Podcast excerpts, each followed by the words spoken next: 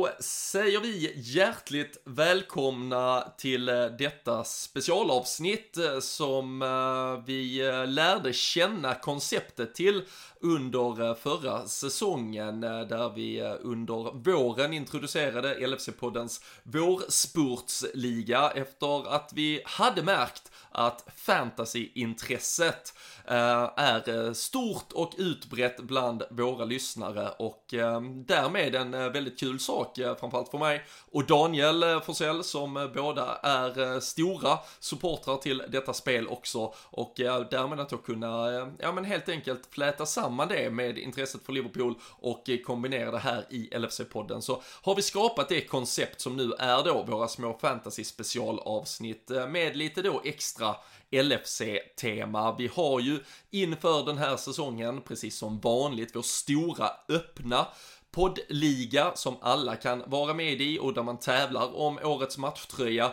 Men så har vi då också för alla, ja men extra entusiastiska supportrar eh, en extra Patreon-liga där vi har lite ytterligare priser. Eh, dels då en eh, ytterligare matchtröja man kan kämpa om där, men också ett eh, presentkort på Sam Dodds som kommer att finnas till den cupvinnare. Det kommer ju under säsongens gång och så kommer vi även då ha en del etapppriser. Så eh, genom att bli Patreon så kan man då registrera sig för den här specialligan nu här inför avspark till helgen och sen gäller det ju såklart att vara kvar som Patreon under den tiden man är med och tävlar om priserna. Så det är inte bara att regga sig, ta koden och sen inte vara Patreon och tro att man kan kamma hem massa priser när det väl avgörs. Men det är jag övertygad om att ni är införstådda med. Så vill man vara med och tävla om våra extra priser här i LFC-poddens eh, Fantasy League, och då är det att bli eh, Patreon-medlem som gäller och det gäller ju samma sak egentligen för att kunna fortsätta lyssna på de här specialavsnitten och många andra specialavsnitt som kommer under säsongen. Även våra tipstävlingar och mycket annat kul är ju dedikerat till Patrons numera. Så är ni inte redan eh, Patreon-medlemmar, bli det så få in på patreon.com slash LFC-podden eller ladda hem Patreon-appen och sök upp LFC-podden där så kommer ni få mycket mer om fantasy, mycket mer om allt som rör LFC framöver. Men nu sätter vi oss till rätta och så snackar vi upp fantasy-säsongen som väntar här 21-22.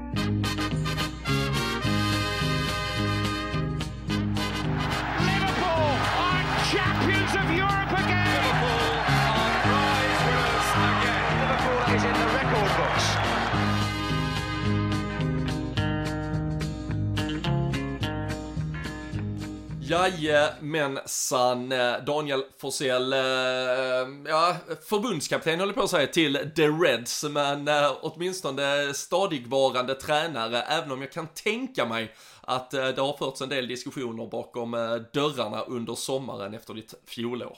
Ja så är det definitivt. Sean Dyche eh, står och knackar på dörren och eh, styrelsen har väl eh, erbjudit honom ett lite för fattigt kontrakt så att man, eh, man har fått förnyat här tack vare att man eh, inte kräver så mycket helt enkelt. Och, och nu eh, är det klart att det är lite sån här julaftons nedräkning här under veckan. Man sitter ju och eh, liksom ömsom sliter sig i håret för vem man ska ha och sen tycker man väl någonstans innerst inne att det är jäkligt roligt också. Och det är ju liksom sån här dubbel känsla tycker jag denna vecka när man sitter med både Ja men dels då sitt fantasylag som vi ska ta fokus på här Men sen också såklart det vi, det vi brukar fokusera på i eh, poddandet eh, Liverpool och eh, Har ju sett rätt roligt ut på sistone med så att Nej riktigt spännande och kul att säsongen ska dra igång igen alltså Men mm. det är ju lite huvudbry Det är det helt klart som alltid Ja men så är det, det är inte, det är inte bara Klopp som ska liksom slipa på sin elva här inför... Vi, vi har ju det tuffare, det måste man ju säga ändå.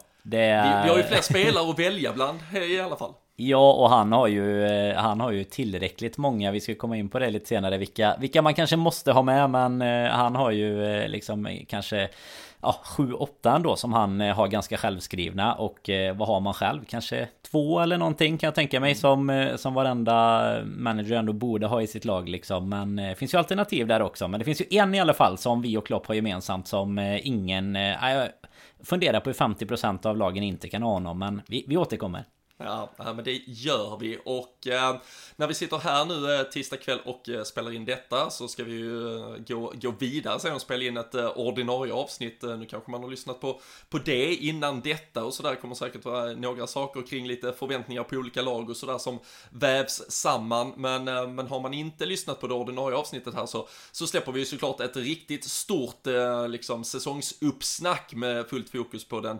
riktiga fotbollen också här tisdag kväll. Så det är ju bara att eh, fylla på med det eh, i spellistan om man inte har lyssnat på det redan. Och eh, som vi nämnde där i introt så kommer ju de här fantasy-specialen och eh, övriga specialavsnitt som görs under säsongen att eh, framöver då ligga eh, på patreon.com istället. Så eh, vill man eh, fortsätta hänga med i eh, lite fantasy-snack och annat specialsnack så är det den plattformen som gäller helt enkelt och ökar då möjligheterna för att kunna tävla om fina priser från Sam Dodds och vi har ju, kommer ju ha till varje match också då tipstävlingar som ligger där helt enkelt. Men eh, för dig Danne, som eh, jag nämnde lite inledningsvis eh, så är det ju en stor revanschsäsong. Ehm, du brukar ju knäppa mig på näsan men jag fick, ja jag fick lite, jag fick medvind redan från start förra säsongen, flög lite på det och tog en prestigeseger här i vår väldigt interna tvåmannaliga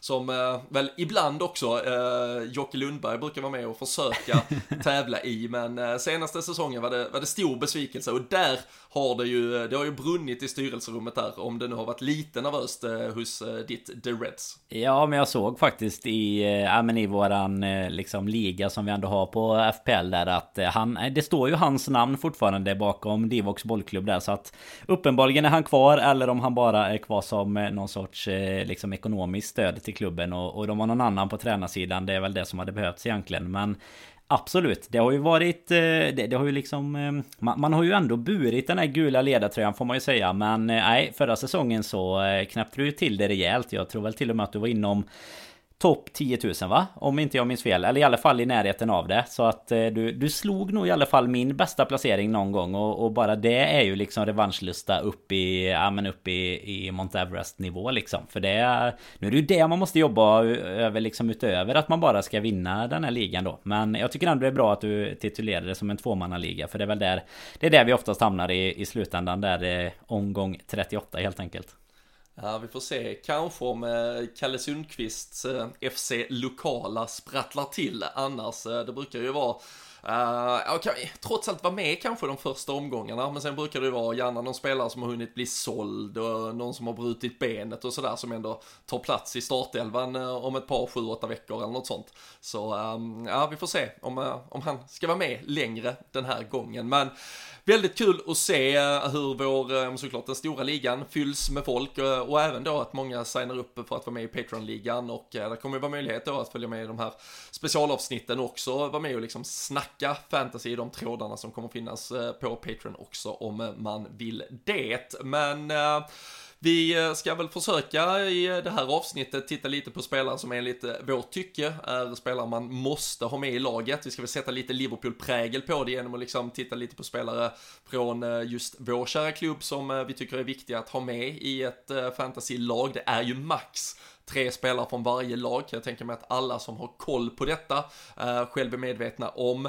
Men eh, ibland är man ju sugen på fler och eh, framförallt kanske när det öppnar sig väldigt billiga alternativ. Men eh, sen är det kanske också liksom värt att ta en titt på ett, ett par spelare i vårt lag som tidigare har varit givna och ifrågasätta kanske hur, hur eh, givna de kommer vara framöver och framförallt hur mycket värde man får i förhållande till pengen de faktiskt kostar. Eh, men men eh, ja, på tal om kostar, så eh, Kostas är ju en eh, spelare Danne som har nog satt huvudbry för de flesta fantasy-tränarna. Vi vet ju alla att Andy Robertson ser ut att missa de första veckorna, troligtvis fram till landslagsuppehållet i alla fall. Det är ju tre omgångar och med en flygande försäsong bakom sig så tror väl alla egentligen att det är just Kostas Tsimikas som går in som vänsterback i Liverpool och för att sätta det i proportion här så kostar jag annars Andy Robertson 7,0 i fantasyspelet. Nu får man Kostas Tsimikas för 4,0 och eh, ja, det blir nog aldrig billigare att få in en, eh, vad det verkar, ordinarie Liverpool-spelare i sitt fantasylag. Nej, och definitivt inte en spelare som ändå kommer att ingå i, ett försvar, i, alltså i en försvarslinje som i övrigt är i stort sett ordinarie. Jag menar, det var ju billigt att spela med, med Liverpool-försvarare förra säsongen, men då var det ju också Nat Phillips och Rhys Williams kanske som startade ihop i mitten. Och det är klart att det, det gör ju kanske inte att eh, nollor hålls helt enkelt. Det är väl det som blir det lilla problemet. Och lite förvånande faktiskt eh, så gick ju han ner från att kosta 5,0 förra säsongen till 4,0 nu då. Det var väl eh, Robertson och att han i stort sett starta varje match och inte kan bli skadad var väl liksom eh, Ja, och att han spelade snacket.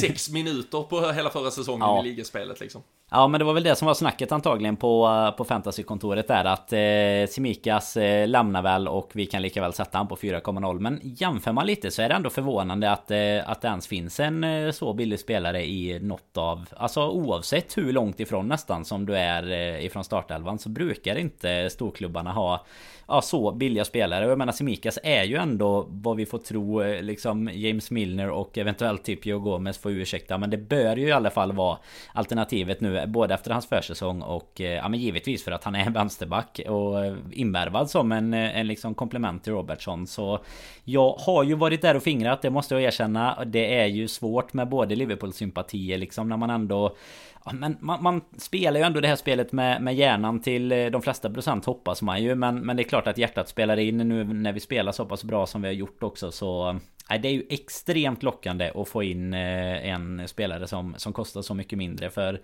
det gör ju att du kan uppgradera på många andra ställen såklart. Ja, och eh, bara lite som du, som du var inne på här, tittar man på liknande spelare så nu blev ju visserligen Tuan Sebe utlånad till Aston Villa, men han var ju en, liksom en United-back som var längst ner i hierarkin, eh, 4,5 på honom. Eh, Nathan Ampadu, eh, som, eh, eller Ethan Ampadu, eh, som är tillbaka då från eh, en, ett av sina en miljon lån han väl har varit på liksom, när han har tillhört Chelsea.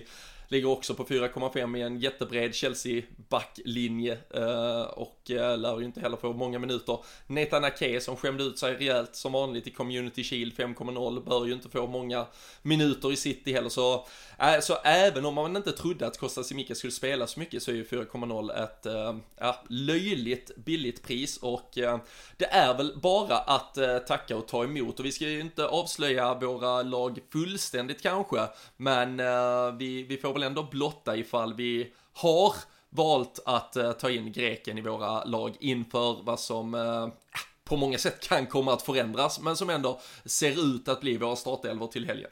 Ja men precis vad jag tänkte säga. Man, man vågar inte säga här och nu att han kommer att, att vara med 19.30 på fredag liksom. Men, men tisdag 10 augusti 19.45 då är han i, i elvan i alla fall för min del.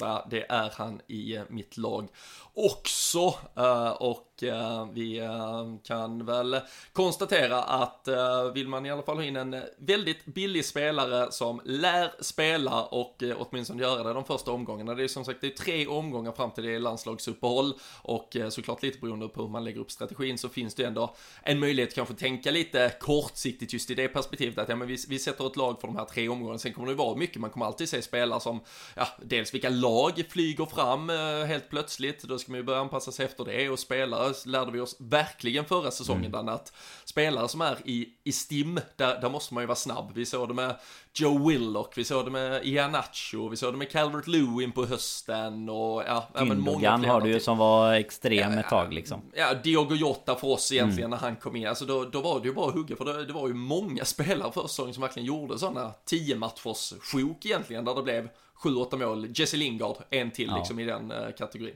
Absolut, och det är ju Alltså framförallt skulle jag säga förra säsongen som man har märkt det och även att man har kunnat hitta mycket värde på liksom lite lägre budget så sett. Men, men sen också hela det här alltså pandemibiten i det hela. Jag menar nu är vi ju tillbaks mot en mer Alltså normal säsong vad gäller I alla fall när man sitter som tv-tittare liksom med tider och sådär. Men Vi ser ju fortfarande alltså en, en Henderson målvakt i United som är borta på grund av covid och det var någon Ytterligare vet jag om det var någon i, i West Ham va, som var borta nu i träningsmatchen eller om det var Aston Villa. Alltså nu nu när man håller lite koll på de träningsmatcher för Aston Villa med. Vad gör man inte för fantasy liksom? Men alltså det är ju ändå, det, det kommer ju också påverka en del och då är det ju lite som du är inne på. Alltså då, då kommer man ju kanske inte kunna vara riktigt, riktigt så långsiktig som man har kunnat om man går ytterligare något år tillbaka i tiden då egentligen. Och sen så är det väl också många som, eh, som ofta väljer att dra ett wildcard ganska tidigt just för att man vill se lite som du var inne på. Hur, hur sätter sig säsongen? Vilka lag är heta? Vilka spelare är heta? Jag menar nu går man ju i, i mångt och mycket på vad man har från förra säsongen egentligen. Och det, det känner man ju till att det är väl ett par ur laget som kommer att ryka illa kvickt liksom när man väl har insett att eh, förra säsongens form inte konserverades in i den här säsongen egentligen. Men nej, det, det är ju alltid... Eh, nej, det är alltid speciellt så här inför egentligen. För det är ju lite svårt också att veta vart man har... Alltså ett, ett Brentford är ju typ helt omöjligt om man nu inte följer Championship eh, veckovis. Men sen då även med de andra uppflyttade lagen, även om vi, vi såklart känner igen vissa. Vi har ju en Timo Pukki som en, en Stim-spelare minst sagt sen sist han var med liksom. Så att, På tal om Jocke Lundberg och hans uh, bollklubb. Ja, det var ju det som gjorde att han var med i en säsong där. Det var ju faktiskt en uh, kaptensbindel på Pucki. Så det krävs inte alltid mycket för att hänga med i toppen i, i våran interna liga. Så är det, får vi väl konstatera. Ja, nej, men så är det verkligen. Och eh, ja, men, eh, i dagens eh, lilla episod här så är väl tanken att vi kanske går igenom ett par kategorier där jag har försökt dela upp det i ja, men ett par spelare man verkligen måste ha mer eller mindre. Och sen ett par spelare som kanske kan bubbla här inledningsvis som kan vara intressanta och framförallt kanske lite prisvärda i förhållande till andra alternativ på sina positioner. Och sen då med lite Liverpool-ögon titta på spelare man nog bör undvika, spelare man kanske kan plocka upp och eh, ja, men sen ett par spelare kanske också som man nog bör undvika helt och hållet i alla fall här inledningsvis. Så vi kan väl börja med spelare man måste ha för eh, det cirkulerar ju som alltid så här Dan ett par dagar inför eh, start, eh, massa lag på sociala medier och man kan ju, ja, man kan ju börja ändå se vilka tendenser det går mot. Du kan såklart titta på procentuellt ägande. Du nämnde Mohamed Salah och vi kan väl diskutera om det är ett halvfullt eller halvtomt glas när det då är 50% som har valt honom, 50% som uppenbarligen inte har valt honom. Men han tillhör väl ändå den där kategorin spelare som man mer eller mindre måste ha för att i alla fall inte riskera. Det är också en spelare många kommer att sätta kaptensbindel på till första omgången. Och gör han som han gjorde mot Leeds förra premiäromgången så var det väl 40 poäng med bindel tror jag. Och eh, ja, sitter man inte med på det tåget så är det inte så jävla kul att lösa biljett till nästa veckas eh, tåg och försöka hänga på den gången istället. Minns du vem du inte såg jämte dig på det tåget förra säsongen? Ja, 40 poäng bakom i första omgången. Ja, den eh, missen gör man inte om igen. Så att Salla är ju första gubbe på pappret. Helt klart. Det är ju... Jag skulle säga fantasymässigt om man tittar bara... Alltså det är ju bara att titta. Det, det korrelerar ju såklart med skytteligan och, och hela den biten. Så det är ju bara... Det är bara att sätta in honom och sen eh, liksom fundera på alternativ längre fram i så fall. Om han skulle vara kall av någon anledning. Vilket han ju aldrig har blivit i Liverpool-tröjan egentligen. Men har ju såklart alternativet i Mané till exempel. Jag tror, jag kommer faktiskt inte ihåg om det var så att jag gick på, på honom eh, istället till exempel då förra säsongen. Minns, man har liksom förträngt hela den eh, gameweeken egentligen. Men eh, skiljer ju väldigt lite, skiljer väl 0,5 egentligen i i summa den här säsongen och är ju en no-brainer såklart för tack vare straffar och ja men helt enkelt hur han har presterat i liksom flera säsonger på rad här. Så det är det, ju nummer ett där på must have yeah. alltså. Precis, och eh, som du nämner där med Manés prislapp så, så gör det ju det liksom ännu tydligare för liksom om vi jämför Salas produktion förra säsongen med Manés så var det ju ja, det dubbla eh, ungefär från, från Salas fötter och eh, som du säger vi har honom på straffar han var bevisligen liksom väldigt, väldigt bra även i ett lite svajigare Liverpool medan Mané många gånger föll liksom under isen och sen har han ju däremot sett jävligt pigg och alert ut på mm. försäsongen. Uh, vi, vi lär väl diskutera det i, den, i det andra formatet liksom med, med tanke på en spelare som verkligen har lyft sig av att publiken är tillbaka. Man vet liksom hur mycket han gläds i sin fotboll av att liksom vara, vara i händelsernas centrum på det sättet. Men skulle fantasy gjort det lite mer spännande och verkligen utmanat hur man skulle tänka kring, jag tror aldrig någon Ja, men I stort sett är det ju aldrig någon som har råd eller möjlighet att köra både Salah och Mané. Men hade Mané plötsligt kostat kanske ja, 10,5 eller 11 istället. Eh, så hade det ju varit då hade du kunnat göra något. Nu är det ju en like for like och då blir det ju bara att, ja men då väljer alla Salah och så är vi bara överens. Alltså så känns det lite som att alla som spelar detta ganska seriöst tar i hand på att, ja men vi väljer Salah och så skiter vi Mané. Uh, för att då är det ingen som kommer vinna eller förlora så jävla mycket på det valet. Men Nej, hade det precis. varit, uh, ja, lite mer uh, ekonomisk differentiering så tror jag vi hade kunnat se andra möjligheter. Jag tror, ja, om inte jag minns fel så är det förra säsongen som det faktiskt var lite så med. Alltså man är nere på typ 11-11,5 och Salah uppemot om det var 12,5 eller 13 till och med. Alltså någonting sånt. Alltså att det var att det ändå skilde lite lite mer som du säger. Så det fanns ändå någon sorts eh, motivering till att, eh, att välja en mané framför. Jag menar nu kollar man i, i liksom talande stund så sitter Salah på exakt 50% Mané sitter på 4,2% Så att det är ju exakt så som du är inne på också att de som är relativt erfarna tror jag De tänker nog så att Nu i början handlar det om att inte tappa någonting om man säger så på en Salah. Det, det, är inte så att du kommer tjäna mycket mer än någon annan på att han gör lite mål. Egentligen är det ju faktiskt så för att alla andra som, som kommer vara med där kommer också att sitta på honom. Så du kommer inte sticka ut. Men här handlar det snarare tvärtom och inte, och inte hamna på den här, eh, jag kommer inte ihåg vad i, i dressinen jämfört med första klass för att Ja, dra en. På spåret-referens liksom. Nej, och, och, och för egentligen går du till spelbolagen och tittar på liksom odds på att typ göra två mål mot Norwich så lär ju liksom Salah om man är ha mer eller mindre samma Mm. Absolut liksom någon liten, liten uh, övervikt säkert på Salah till fördel, men nej, uh, båda två är ju fullt kapabla av att göra väldigt starka insatser där. Men Salah får man väl absolut se som uh, ett namn hugget i sten och jag valde, eller jag bad dig egentligen plocka fram tre stycken. Jag har också tittat på tre stycken självklara. Vilka är dina andra två spelare som du inte tycker man gör en startelva inför premiären utan? Nej men i, om man utgår från schema och allt sånt också så är det Trent från eh, början där Så att två Liverpool-spelare. Sen har jag även Bruno Fernandes där Och det är egentligen Ja men det är ju bara Bara titta på vad, vad han gjorde först när han kom eh, Och sen eh, vad han hade för snitt liksom förra säsongen. Och det är ju såklart mycket straffar och allt sånt som man brukar prata om Men det är ju Han är ju inblandad i extremt mycket av Uniteds eh, poäng. Så att det kostar därefter också såklart Men eh, Känner väl lite samma sak där. Där handlar det mycket om att bara Alltså lite samma som Salah där. Det handlar om att inte missa de eventuella poängen han kan göra här i början. Och så får man Ja men får man se vart det sätter sig helt enkelt. Vad, Vilka har du som andra utöver Salah?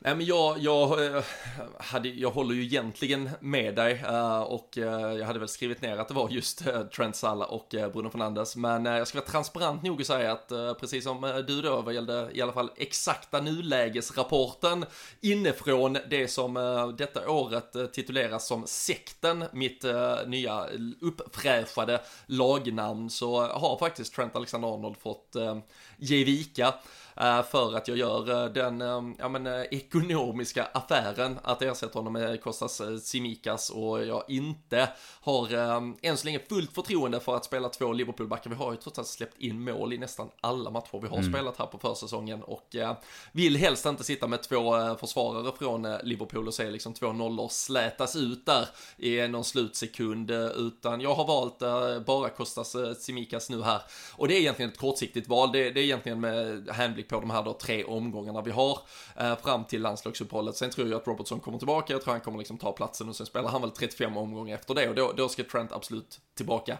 in i laget, men för att då istället titta på en spelare jag tycker att man verkligen bör ha i sitt lag för de här första tre matcherna, eh, så är det faktiskt Danny Ings istället. Bruno Fernandes eh, helt överens med dig om, men Danny Ings till Aston Villa som eh, ser ut att ha fått liksom in kvalitet till att verkligen ersätta Grealish. Danny Ings gör mål direkt i sin debutmatch för eh, Villa och de har alltså Watford borta, Newcastle hemma, Brentford hemma, de här tre första matcherna. Sen går de in i ett mycket tuffare schema och han kommer nog vara en av de spelarna som försvinner i mitt lag där när jag ska göra ett par förändringar för att eh, få plats till eh, Trent i försvarslinjen och eh, frigöra då lite kapital längre fram. Men att starta med både Salah, Bruno Fernandes och Danny Ings är i min bok, eh, då har man tre spelare som lär vara poänggaranti eh, de första matcherna i alla fall.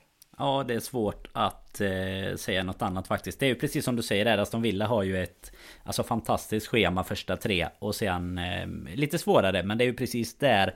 Alltså jag tycker ju att det är så med Simikas också. Ska man titta, alltså hade det varit en omgång, absolut inte värt det. Men tre, två till tre omgångar, alltså gärna tre då, är ju en ganska bra tidsram egentligen. För du hinner ju om du vill då varva ut en Ings, alltså du hinner ju planera för det under de tre omgångarna oavsett om det är någon av dina spelare som, ja men men typ skulle skadas eller det händer någonting. Då kommer du ändå kunna lösa det med, med det perspektivet liksom. Hade det handlat om en omgång på en Semikas till exempel. Men då är det ju en, en sån eh, budgetspelare som, som egentligen är svår att bli av med. Så då kan du lika väl ha honom som en ett, eh, liksom tredje kvist. Men då är det samtidigt så att då tar ju han en plats som du egentligen vill ha in för en annan Liverpool-spelare antagligen. Så att det går ju ofta att göra på de, de lite sämre lagen. Men eh, nej, Ings får man väl skriva under på. Även om han faktiskt inte finns i mitt lag just nu. Så att eh, kanske man får göra en snabb förändring här när man har stängt ner inspelningen. Men frågan är vem man i så fall ska skicka. Det är ju det eviga ja. problemet. Ja, så, så är det allt. Och, och man kan ju konstatera, eftersom man har ju suttit och haft möjlighet att pilla med det här laget i en eller två månader här och eh,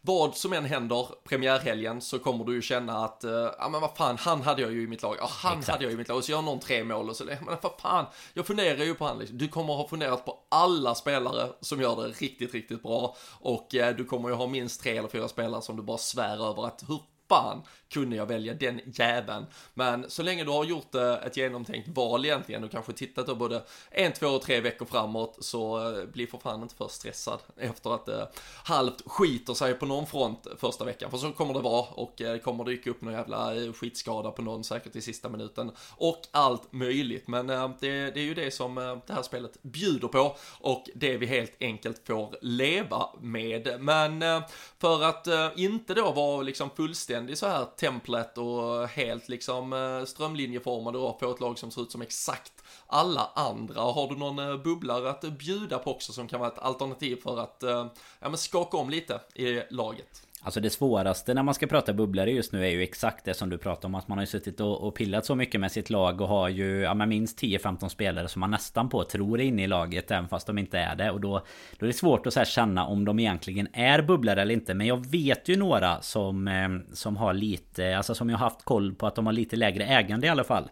Jag har ju en, eh, alltså en, en egentligen så här, ingen bubblare fantasymässigt men en stabil leverans från, får man alltid från Callum Wilson till exempel. Sett att han han sitter bara i drygt eh, 5-6% av eh, lagen är ju en sån gubbe som, eh, ja, men som ligger på mellan 120 och 170 poäng totalt. Liksom. Han ligger ju, och det, det, kan man ju översätta då i kanske mellan 8 och 15 baljer eller någonting på en säsong. Spelar ju ett Newcastle som såklart är, är vad Newcastle är. Men har ett helt okej schema till en början.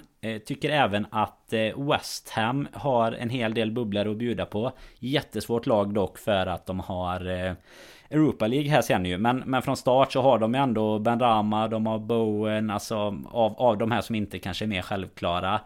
Sen är det väl eh, eventuellt någon eh, Kanske någon Leicester-gubbe, en Harvey Barnes till exempel, inte jätteägd. Han eh, vet man ju vad han kan göra. Han blev eh, ganska allvarligt skadad förra säsongen. Tillbaka nu.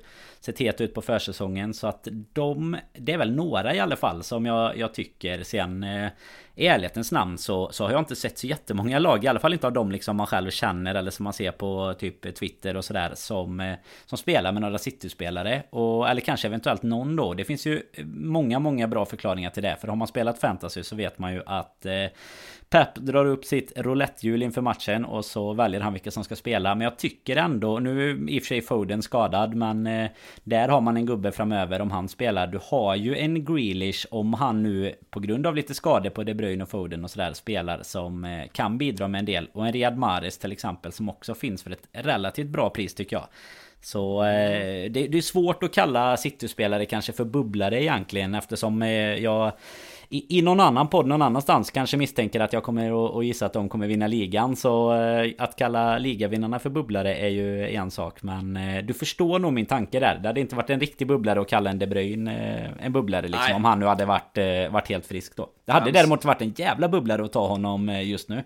Ja, det, det absolut. Då, då sticker man uh, ut, uh, men, ja, men jag, jag är väl snarare lite inne på, vi, vi har väl också uh, något uh, litet segment här som kanske handlar mer om spelare man bör undvika eller i alla fall vara väldigt försiktig kring och där är väl snarare kanske mitt fokus just på alla offensiva spelare i typ både Chelsea och Manchester City för det känns mm. väldigt oklart vem exakt som kommer att spela de här inledande matcherna. Uh, vi vet att liksom både Chelsea i, uh, i, i talande stund inte helt liksom officiella med Lukaku men det, det kommer väl komma alldeles strax.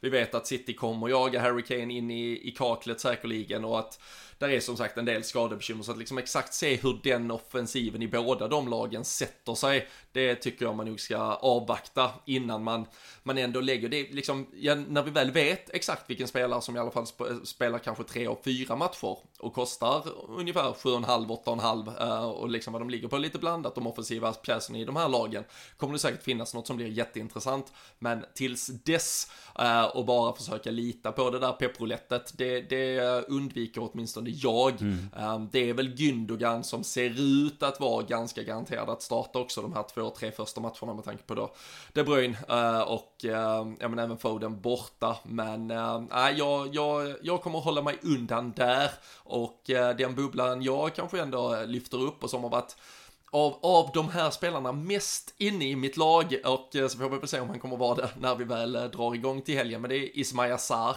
i eh, Watford. Han eh, ägs av 3,9 uh, kostar 6,0 och eh, han minns ju framförallt vi Liverpool-fans med fasa efter att de förstörde vår winning streak där eh, precis innan säsongen eh, blåstes av under eh, covid-skiten när det bröt ut i slutet av februari, början av mars under 2020.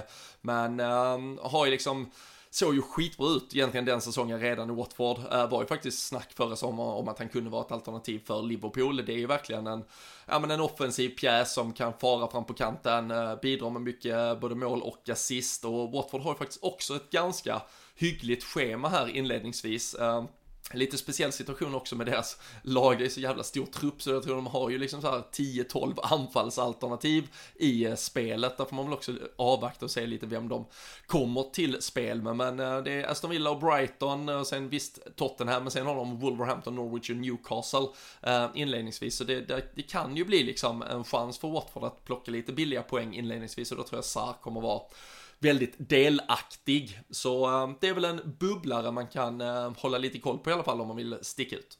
Ja men absolut. Sen eh, när man tittar på vilka spelare som är ägda och sånt det är ju Det är ju flera av City och Chelsea-spelarna som eh, Som ligger ganska högt där och jag är ju precis inne på samma spår som dig där att eh, Det är klart det är ju en, det är en lite så här kalkylerad risk om man får in någon av dem men Skulle vara väldigt försiktig också med Med de här lagen som man inte riktigt vet hur de har satt sig an faktiskt Sen skulle man väl lägga till egentligen utöver dem om man, om man nu ska gå in på det här segmentet med vilka man eh, Vilka man kanske absolut inte ska röra när du ändå pratar lagmässigt Då har ju Norwich har ju inte fått det finaste schemat för ett nyuppflyttat lag. Det, det måste man ju säga. Där eh, hade man ju kanske på sikt inte tagit en Timo Pukki Men man kanske hade kunnat hitta någon, något fynd i de lägre prisklasserna. Men satan alltså de har ju fyra inledande omgångarna är ju typ deras fyra svåraste matcher på, mm. på hela säsongen alltså. Ja och, där, och man ska nog inte gå i fällan av att liksom liksom Temo Pukki, det, han, alltså han flög ju fram som sagt, eh, framförallt den där hösten när, när Norwich kom upp och han uh, gjorde till och med mål mot oss i premiärmatchen, uh, om jag inte minns fel väl, och mm. fortsatte ju sen imponera och gjorde väl mål mot City också och liksom visa att han kunde göra mål mot vem som helst när, när, när Norwich hade rätt dag. Men ja, gå, gå nog inte i den fällan. kanske man får äta upp sina ord här, men jag hade undvikit honom inledningsvis och um, som sagt med, med det där schemat så, så känns det ju jätteointressant. Um, där är ju ett par spelare väldigt billiga alternativ till, till försvar och mittfält kanske beroende på vilka som väl får chansen. Men där ska man ju också komma ihåg då, på tal om egentligen bubblare och, och spelare som kan vara aktuella, så Buendia som liksom har varit den stora kreatören i Norwich, han har ju lämnat också och gått till Aston Villa istället. Mm. Där han däremot absolut kan vara ett alternativ och han har verkligen varit eh, in och ut i mitt lag också. Eh, lite eventuella skadebekymmer, han var inte med i eh, ja, förra helgens, eller senaste helgens sista träningsmatch, så vi, där får man väl avvakta lite, men vet man med garanti att han kommer till start så är det ju en jättefin mittfältare för 6,5 5 där. Och som sagt då fina matcher för Villa i, i början och eh, både då en Ings och Watkins som kan eh, stöta in hans bollar. Hade väl typ 15 plus 15 i mål och assist i eh, Championship förra mm. säsongen så. Men Norwich ska man nog stay away från Chelsea offensiv och City offensiv har vi flaggat lite för. Och sen som väl alltid de etablerade spelarna i Arsenal vad gäller till exempel Aubameyang, Lacazette och de här det känns ju också som no-go zoner där finns ju istället till exempel både Saka och Smith Rowe till ja, halva priset i stort sett. Och det verkar väl vara de unga spelarna som ska göra det i Arsenal framöver. Ja men så är det ju absolut. Aubameyang också eh, för, för de som spelade förra säsongen var ju han nedflyttad som mittfältare. Det var ju den enda liksom anledningen till att eh, Att få in honom ganska tidigt för att man får lite fler poäng för mål och sådär och även för håller nolla och sånt. Men eh, gick man ju Arsenal-fällan såklart för eh, de eh, håller ju inte nollan och eh, Aubameyang gjorde typ inte heller några mål. Så det hjälpte inte att han var listad som mittfältare men för att göra det hela ännu enklare den här säsongen så är han ju anfallare igen i fantasyspelet fantasy-spelet då. Så att eh, nej, verkligen ett stay away. Sen har ju de också lite halvtuff start tycker jag. Så att där hade jag definitivt väntat eh, och kikat. Sen däremot som du är inne på några Alltså några spelare som man är ganska säker på kommer att, spela rätt mycket är så pass billiga att det, det hade liksom inte Det är inte hela världen om man har någon från start och kanske ja, i så fall bänkar dem i, i någon omgång där heller. Utan det, det är värre att ta in liksom en spelare som kostar 8, 9 eller kanske till och med uppåt mot eh, tvåsiffrigt. Att, att sätta dem på bänken det, det har man icke råd med i dessa tider.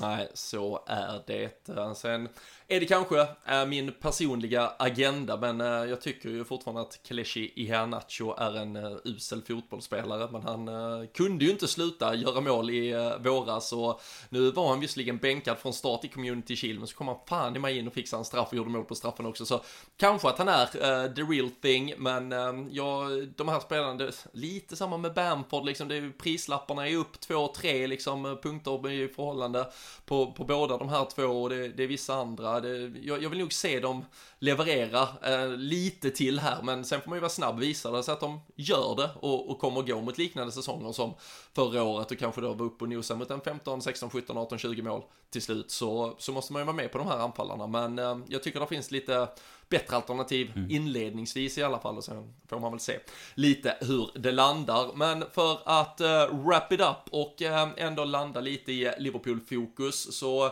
känns det väl som att vi kan eh, avslöja då åtminstone, vi båda två här och nu sitter väl med tre Liverpool-spelare va? Medan mm. du då har eh, förlagt två av dem i defensiven med Trent och Kostas.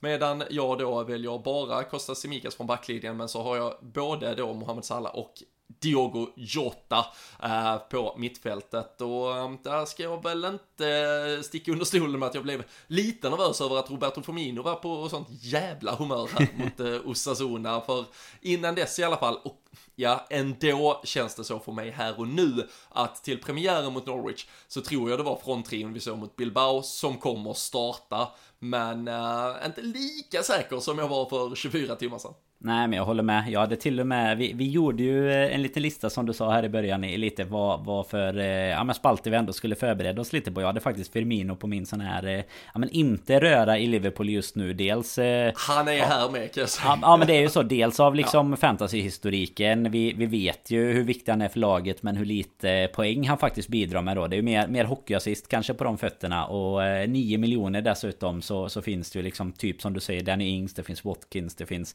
Calvin Calvert Lewin med flera med flera som kostar mindre än så. Men eh, nej, det finns väl en viss... Eh, kan, kan förstå att det finns en viss eh, oro nere hos sekten faktiskt. För jag var exakt lika säker som du för ett dygn sedan. Men jag, jag, tror fortfarande till 95% att det är Diogo Jota som startar. Men eh, jag trodde väl till 99 då om vi säger så igår kanske. Så eh, nej, lite målform på Firmino och publik tillbaka. Det är ju hans eh, grej uppenbarligen insåg vi ju även i vintras där när vi hade lite, lite publik på Anfield. Så nej, det är gyllene leendet tillbaka.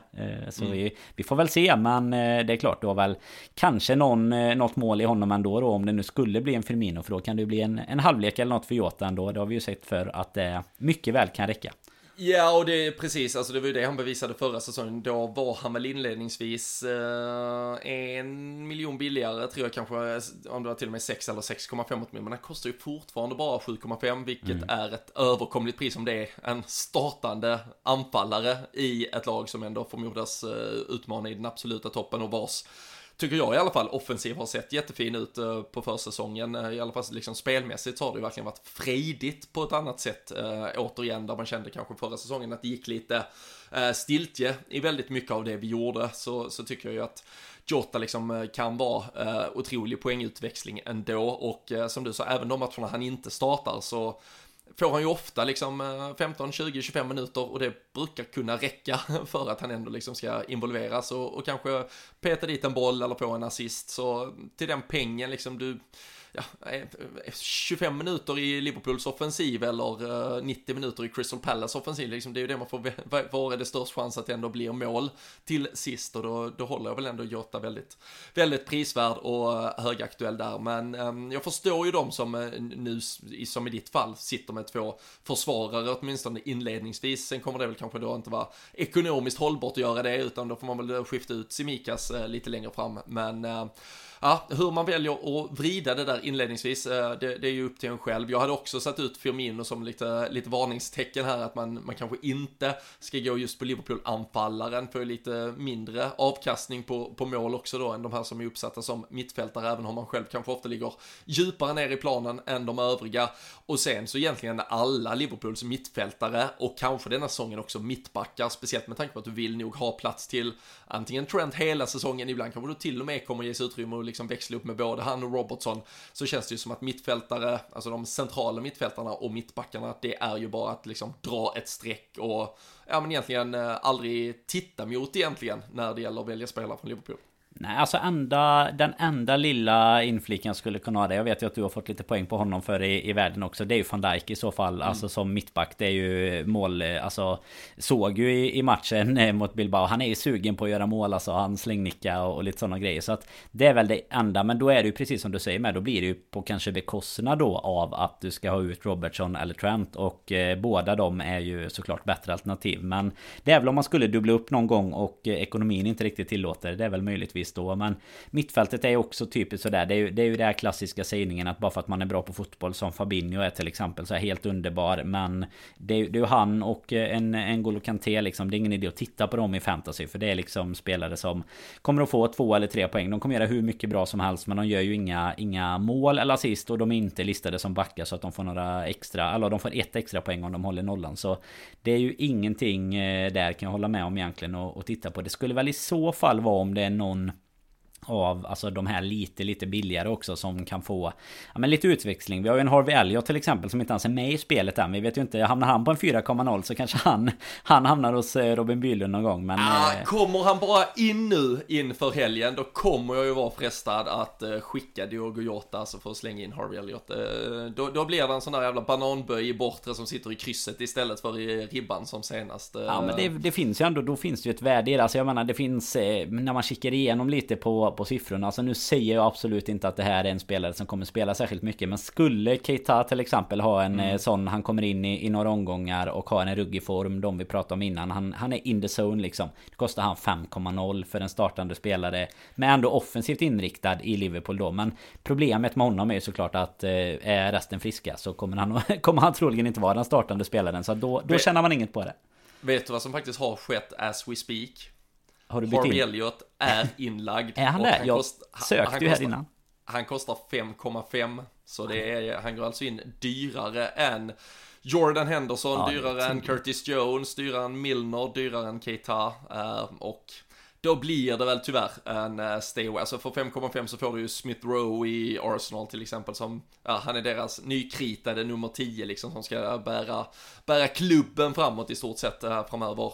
Harvey Elliott kommer ju när väl alla är tillbaka i full liksom eh, fitness med vad gäller Jordan Henderson och Thiago framförallt så, så kommer han ju inte starta matcher eh, högst troligt. Men eh, ah, ah, hade jag vetat att jag skulle dra ett wildcard om typ två omgångar då hade han fan fått en plats i mitt startlag här men uh, Ja. 5,5 var för dyrt, det tycker jag. Ja, det, var det. det, var konstigt. Om man tittar på resten av mittfältet. Hade han varit en 4,5, alltså. ja men alltså en 4,5 mittfältare mm. som man liksom tror kommer få sju inhopp under säsongen. Men då är det ju också faran med att man låser en Liverpool-plats. Uh, där vill man ju ofta ha tre spelande spelande spelare ja. så att säga. Ja men den hade man kunnat offra för eh, omgång 1 och 2 till exempel nu om inte Thiago Henderson spelar Men eh, nej den... Eh, nej tyvärr nästa säsong eh, Harvey Då, eh, då ska vi kika på det igen Wow. Kanske de gör en sån Simikas, drar ner honom till 4,0 bara och så eh, tänker han, han spelar ju aldrig ändå. Precis. Uh, kan väl vara en, en otroligt långsiktig rek kan ju vara Takumi Minamino fram till Afrikanska mästerskapen sen när uh, Salah och Mané sticker om det inte händer något mer på infronten. 5,5 står uppställd som mittfältare men uh, lär ju få spela i den offensiva trion, uh, typ tillsammans med Firmino och Jota. Uh, mm. I så fall kan man ju tänka sig. Men det eh, är långt fram eh, och eh, inget vi behöver fokusera på nu. Det här var lite, ja men lite summerat uppsnack, lite allt möjligt, lite spelare att titta närmre på. Säkerligen många som går i ganska likadana tankar, men förhoppningsvis har detta, om inte bara gett er lite underhållning så kanske ni har fått någon extra tanke inför att ni ska sätta era lag till helgens deadline. 19.30 eh, sa du va Danne? Det är väl 21.00 som eh, Premier League sparkar igång och eh, numera är det ju 90 minuter innan och det är väl lite sådär klassiskt bara tips från coachen att uh, hela skiten kan ju haverera typ timmen innan deadline just när det är premiäromgången så det, det är väl inte dumt att uh, redan kanske fredag förmiddag i alla fall vara 99,9% skitnöjd med det laget man har fått ihop så att man inte riskerar att uh, ja, några sista byten fuckar upp hela systemet i alla fall. Nej men så är det ju definitivt. Vill du ha en sista stay away också innan vi klappar igen? Jätte Jättegärna. Det är 17% ägda Dallas i Leeds som numera ja. är mittfältare. Alltså nej, det, det, är nej. ju 17% som har tittat på total score from last season och bara tänkt att den här killen kostar 5,5 och är mittfältare i Leeds. Det är ju toppen. Men eh, för alla såklart initierade som lyssnar på detta så vet ju de att han var back förra året och då eh, Då får man lite bättre poäng på eh, Ja men egentligen på om, om han nu gör mål som han valde att göra ibland och sen dessutom då på nolla och sådär. Så det är ju 17% som... Eh, nej, alltså är, är du bland de 17 procenten så... Då, då kan du nästan ta in Harvey Elliot faktiskt eh, lika väl för de pengarna. Ja, vi får hoppas vi, vi kan få rädda någon från en, uh, ja men to Dutch a bullet här. Um, hade en vän över igår också som stolt visade upp sitt lag, sa att han hade fyndat Dallas, visade förra året så. Och uh, nu vet ju du vilken vän det var, det gör det hela ännu roligare. Men ja, han fick det berättat för sig.